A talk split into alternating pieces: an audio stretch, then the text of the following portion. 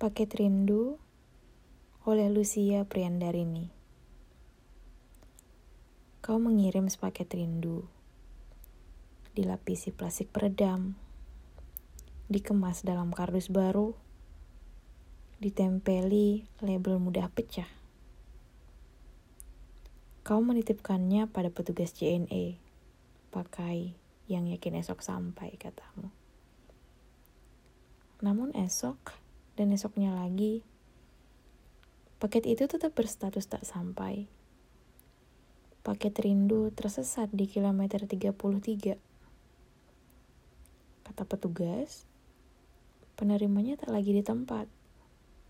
Pindah ke kota jauh. Kau baru tersadar. Tak hanya penyesalan, rindu juga bisa terlambat.